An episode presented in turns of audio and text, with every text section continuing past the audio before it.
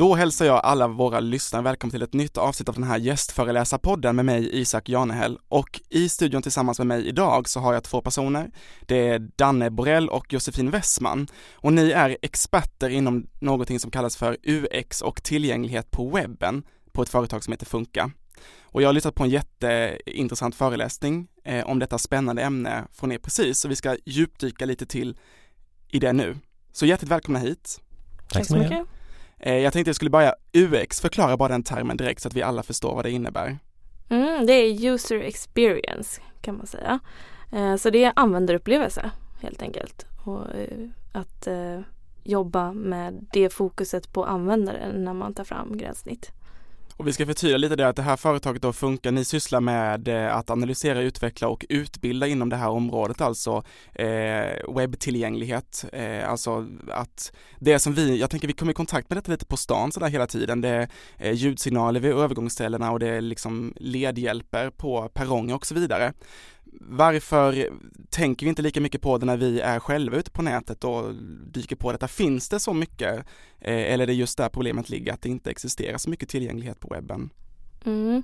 Alltså det blir ju mera abstrakt på webben så det är det som vi också sa där i vår föreläsning att eh, tillgänglighet i fysisk miljö det är någonting som folk känner eh, det är mer liksom bekant och någonting man stöter på för att eh, man är mer van att det finns i eh, byggnadslagar och sådär att man måste bygga in eh, för att anpassa just tillgänglighet eh, i fysisk miljö. Men i det digitala där har det inte varit lika ut uttalat och utpekat att man behöver inkludera alla användare på samma sätt som man gör i fysisk miljö.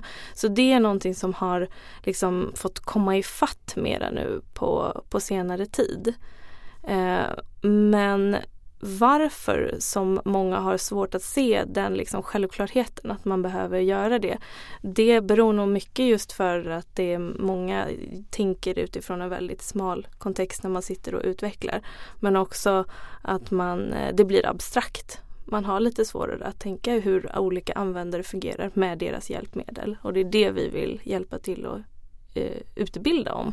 Jag tänker också en del att fysiska miljöer har funnits med ganska länge ett antal år nu får man säga. Digitala miljön, ja det finns några också, men det är fortfarande relativt nytt på det sättet. Och det gör väl så att ja, det tar väl ett tag innan det kommer ifatt helt enkelt. Så att det är att medveten om att det behövs tillgänglighet också har ökat mer och mer. Är det samma grupp av personer som behöver tillgänglighetshjälpmedel i den fysiska miljön som på webben också? Inte nödvändigtvis. Vi kan ha någon som är rullstolsburen till exempel som är en grupp som man lägger mycket fokus vid när det gäller just uh, fysiska uh, värden. Men om man då säger man har fullt bruk av liksom armarna och allt det här så kan man ju ofta använda webben på, jag vill inte säga det vanliga sättet, men liksom standardlösningen funkar bra där man behöver inte så mycket mer hjälp där. Så det finns överlappningar på, givetvis på många olika sätt, um, men det är inte, det är inte liksom samma sak där. Sen kan det finnas grupper också som behöver mer hjälpmedel i den digitala världen. Eh, och vi kan ta ett exempel om man har eh, svårighet med läsning. Då kan det vara att man behöver mycket hjälpmedel som eh, att urskilja text eh, för att göra det lättare att läsa. Att man kanske vänder på färgerna så att man väljer att på webben ställa in en svart bakgrund med en viss text som man har lättare att eh, läsa kanske eller att man använder uppläsningsfunktioner. Allting behöver inte vara externa hjälpmedel som man liksom kopplar in men det kan vara inställningar som man väljer att göra. Och det är kanske någonting som man inte i stor, lika stor utsträckning behöver i fysisk miljö. Jag tänker hur långt är vi från ett liksom hundraprocentigt eh, tillgängligt internet för alla? Vad är det som saknas? Är... Jag tror aldrig vi kommer komma fram till det, inte hundra procent. Um, men däremot, jag skulle säga att vi är på god väg att börja med det skulle jag säga. Det finns mer och mer aktörer som inser att det är viktigt att börja jobba på det bra. Det finns mer och mer liksom utvecklardesigner som också börjar inse att det är vettigt och som skriver mycket bloggar och sånt där. Uh, men jag skulle säga att vi fortfarande är liksom i, i början på det. Det är en lång väg kvar.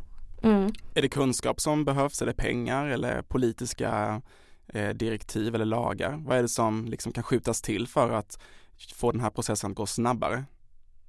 Mm det är ju egentligen alla de faktorerna som behövs på, på olika sätt men för sto, stora allmänheten för de flesta som mm, producerar och gör eh, webb till exempel eller så. Där eh, behövs kunskapen. Att man vet vad det är, vart man ska sätta ribban och varför.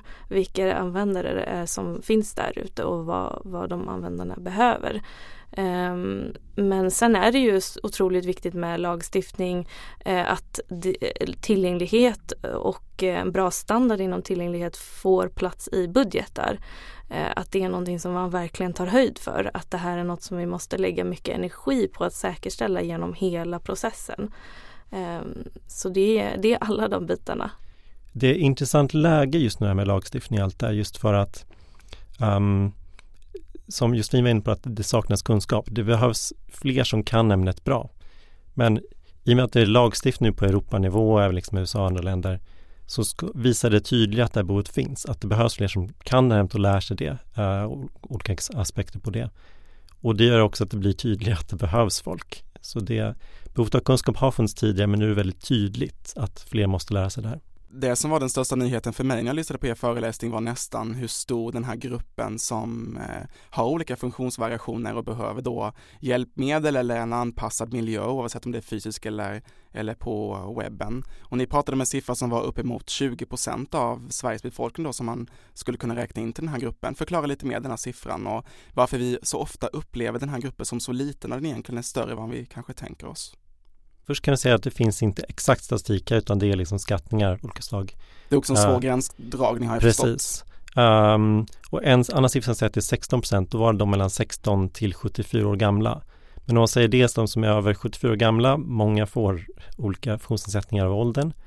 Alltså det gör att det blir fler där. Sen att man inte ser så mycket, allas funktionsnedsättningar är inte synliga heller. Om du går runt på stan, där det finns jättemycket människor som kanske har kognitiva funktionsnedsättningar, som kanske har eh, synnedsättning som inte märks lika lätt så många saker som man inte ser bara där. Det är inte som att, okej, okay, här är någon som åker rullstol, då vet man, oj, funktionsnedsättning. Um, så ja, det är väldigt stor mörkertal som man inte märker för att man, ja, man råkar inte på det så mycket i vardagslivet. Mm. Och det är ju just det här att det är ju inte alla som har ett hjälpmedel för, för sin funktionsnedsättning. Eh, att inte alla har en diagnos. Eh, och att det är väldigt mycket som inte ens kanske betraktas som en funktionsnedsättning i den bemärkelsen att man har en diagnos. Men det är fortfarande sånt som skapar väldigt stora bekymmer i olika skeden i livet eller situationer. Eh, så det är någonting vi pratar om väldigt mycket just att se förbi statistiken vad det gäller personer med funktionsnedsättning eller skattningarna som det mera är då. Eh, och se det nästan som att alla mer eller mindre är en del av den liksom ehm, man har någon form av nedsättning inom någon förmåga i någon situation eller skede i livet. Så att vi alla är en del av det och alla är berörda av tillgänglighetsgraden. Det är så det är. Mm. Det finns nog också visst mörkertal, alltså 15-20 procent är antagligen egentligen tar lite underkant. För man säger hur många har kanske en uh, uh, olika kognitiva det kan vara liksom allt från depression till vad som helst som man inte liksom går liksom anmäler hos läkare eller whatever så att det kommer i statistik. Uh, hur många har ADHD som man inte märker, hur många har dyslexi som man inte märker. Så att egentligen så är det nog, om man, även om man bara ser rena funktionssättningar så är nog siffran högre än de man ser statistiken. Det känns som att ett grundproblem lite kanske också är vår vilja att klassa oss efter normalfungerande, nu säger jag normal inom situationstecken här inne, eh, och de som har olika funktionsvariationer eller funktionshinder. Istället för att bara se att vi funkar helt enkelt olika. Jag tänker också lite det som det här handlar om i grund och botten, eller har jag? Ja, det stämmer helt rätt. Därför jag pratar väldigt kort om en sak som är att man har alternativ, olika sätt att göra saker på. Och det är en sak som vi ser att även om vi ser folk som kanske skulle se sig själva som liksom, också situationstecken normalfungerande, så folk föredrar att liksom göra saker på sätt som de föredrar. Så att, att ge alternativ till olika metoder, de vet okej okay, det här sättet vi använder problemet, så vilket är ett alternativ till det? I så fall jättebra för de som verkligen har behov av det, men alla har nytta av att kunna välja ett sätt som de tycker är lättast och liksom använda funktioner närmare saker på. Och det är något som vi har mängder av exempel på, just det där att man gör någonting kanske primärt för att det måste fungera för vissa användare och de är i behov av att det fungerar på ett visst sätt. Men sen visar det sig att det är någonting som fungerar väldigt bra för många andra. Eh, så det har vi jättemånga exempel på. Ett exempel är ju till exempel en chattfunktion.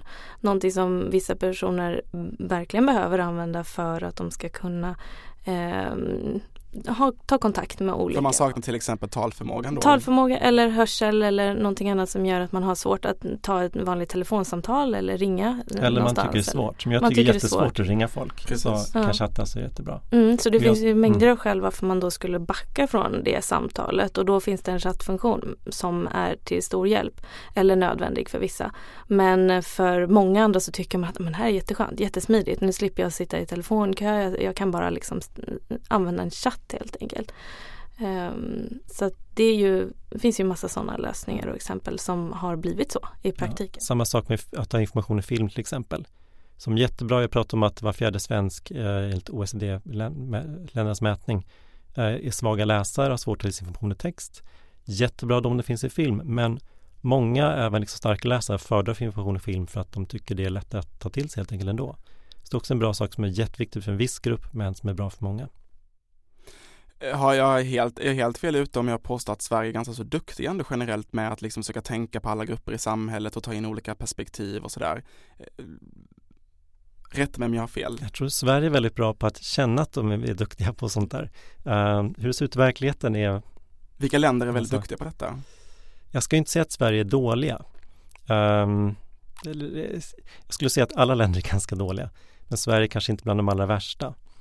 Um, det kanske inte handlar så mycket om landsgränser utan det kanske finns andra områden istället. Eh, jag vet till exempel, ni pratade ju om att vissa EU-lag och sådär tvingar ju regioner, stater och, och kommuner och så vidare att ha en, en tillgänglighetsanpassad. Men ni hjälper ju faktiskt också privata företag med att eh, analysera sin tillgäng tillgänglighet och förbättra den. Vilka är det inom den privata sektorn som faktiskt har det intresset för att vara mer tillgängliga för alla deras potentiella kunder mm. eller vad det kan vara? Jag tror det är många som har, om du får lite krasst, ekonomiskt intresse av det.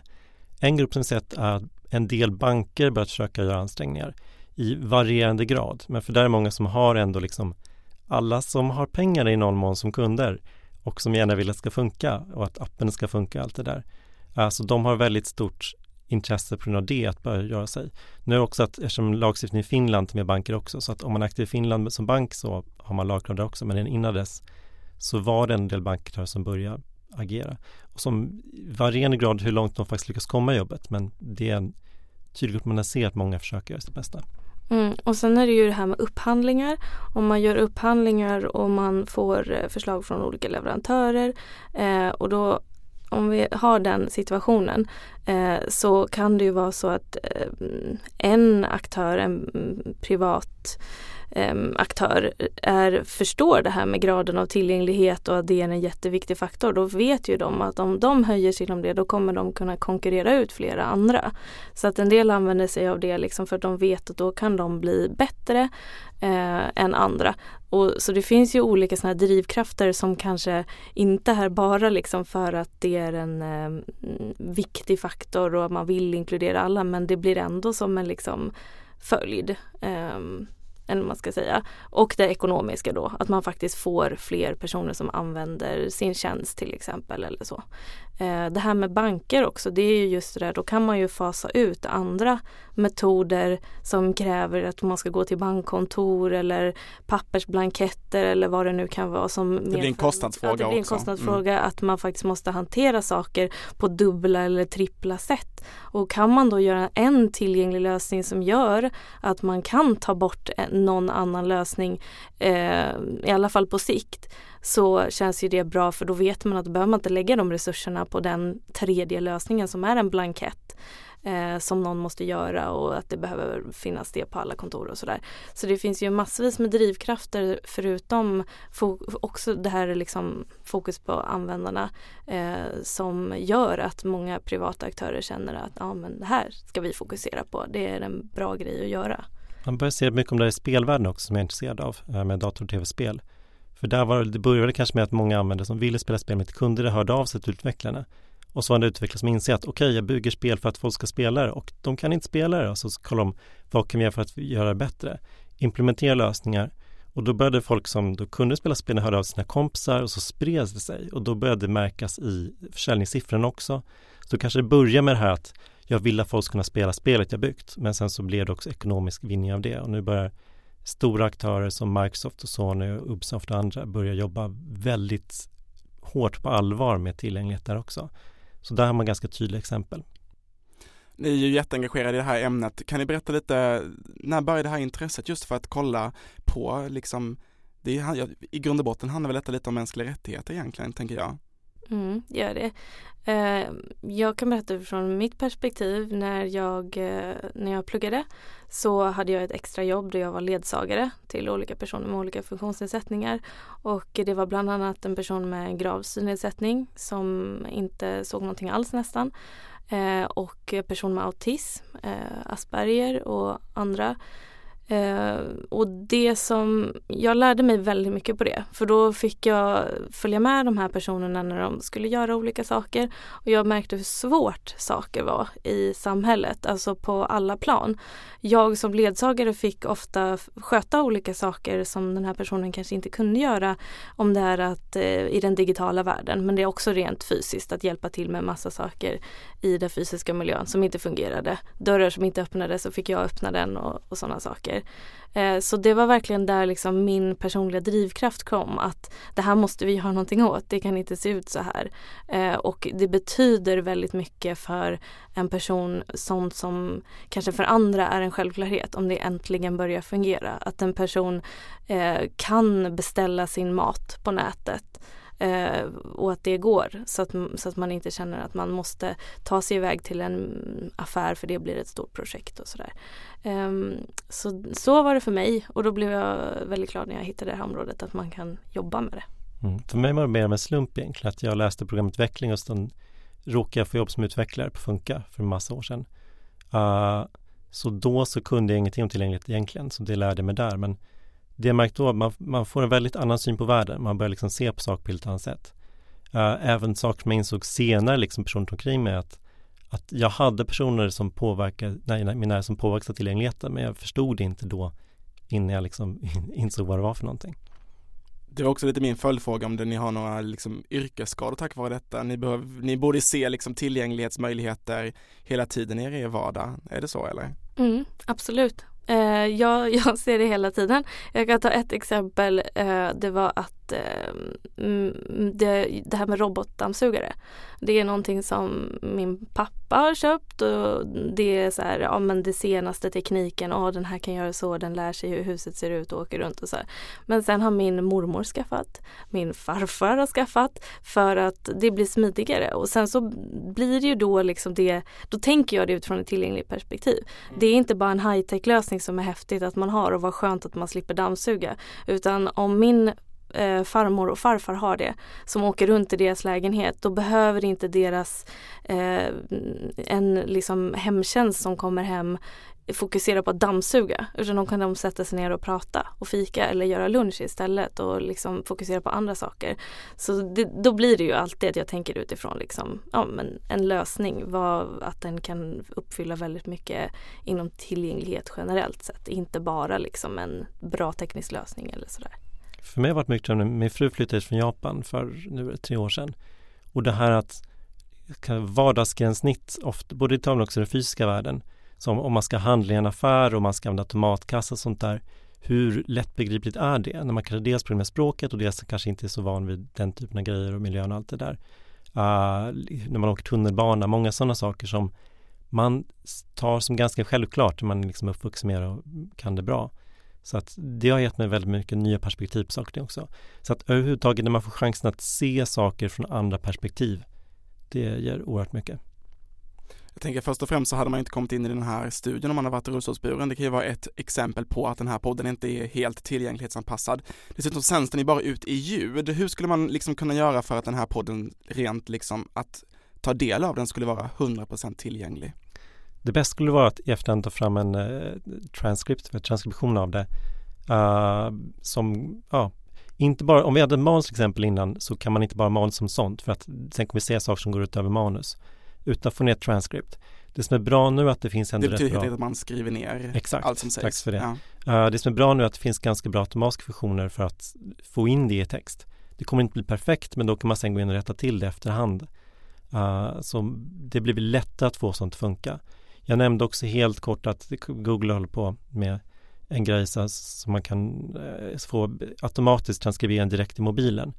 Så att man startar som en funktion där och så kan man då um, liksom om man lyssnar på podcast så kan man få den transkriberad live.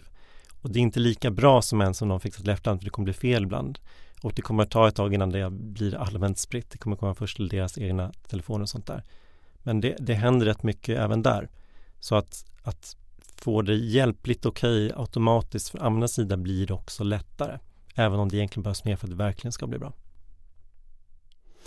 De flesta större samhällsförändringar som har blivit bättre för liksom den liksom de små minoriteterna också har ofta inneburit att någon annan större grupp har gått lite före. Jag tänker på kvinnorättsrörelsen krävde att även män krävde allas lika rösträtt och så vidare och så vidare. Det finns många sådana exempel. För vi oss då som, som funkar i samhället utan hjälpmedel, vad kan vi göra egentligen för att skynda på den här processen lite så att det blir mer tillgängligt för alla? Mm, generellt sett så är det ju det är ju bra att liksom sprida, det är det vi jobbar med och andra liksom att man vill sprida kunskapen om det. Och generellt sett är det ju att alla som jobbar inom någonting kan tänka på tillgängligheten mer. Alltså så är det oavsett om du jobbar i byggd miljö eller digitalt eller vad det är. Så att på något sätt behöver man titta på sin uppgift, liksom vad är det jag gör och hur kan jag få in fler perspektiv i det jag producerar, levererar, skapar. Eh, så att hur man ska kunna nå ut med det, det är ju en liten klurig sak. Det är ju liksom både med lagstiftning och andra medel som ska informera att det här ens liksom finns. Eh, men sen är det ju just det att alla behöver ta sitt ansvar och titta vad, vad kan man själv göra för att eh, förbättra sig, eh, förbättra det man gör. En sak jag tänker på det är eh, digitaliseringen som har gått väldigt fort nu.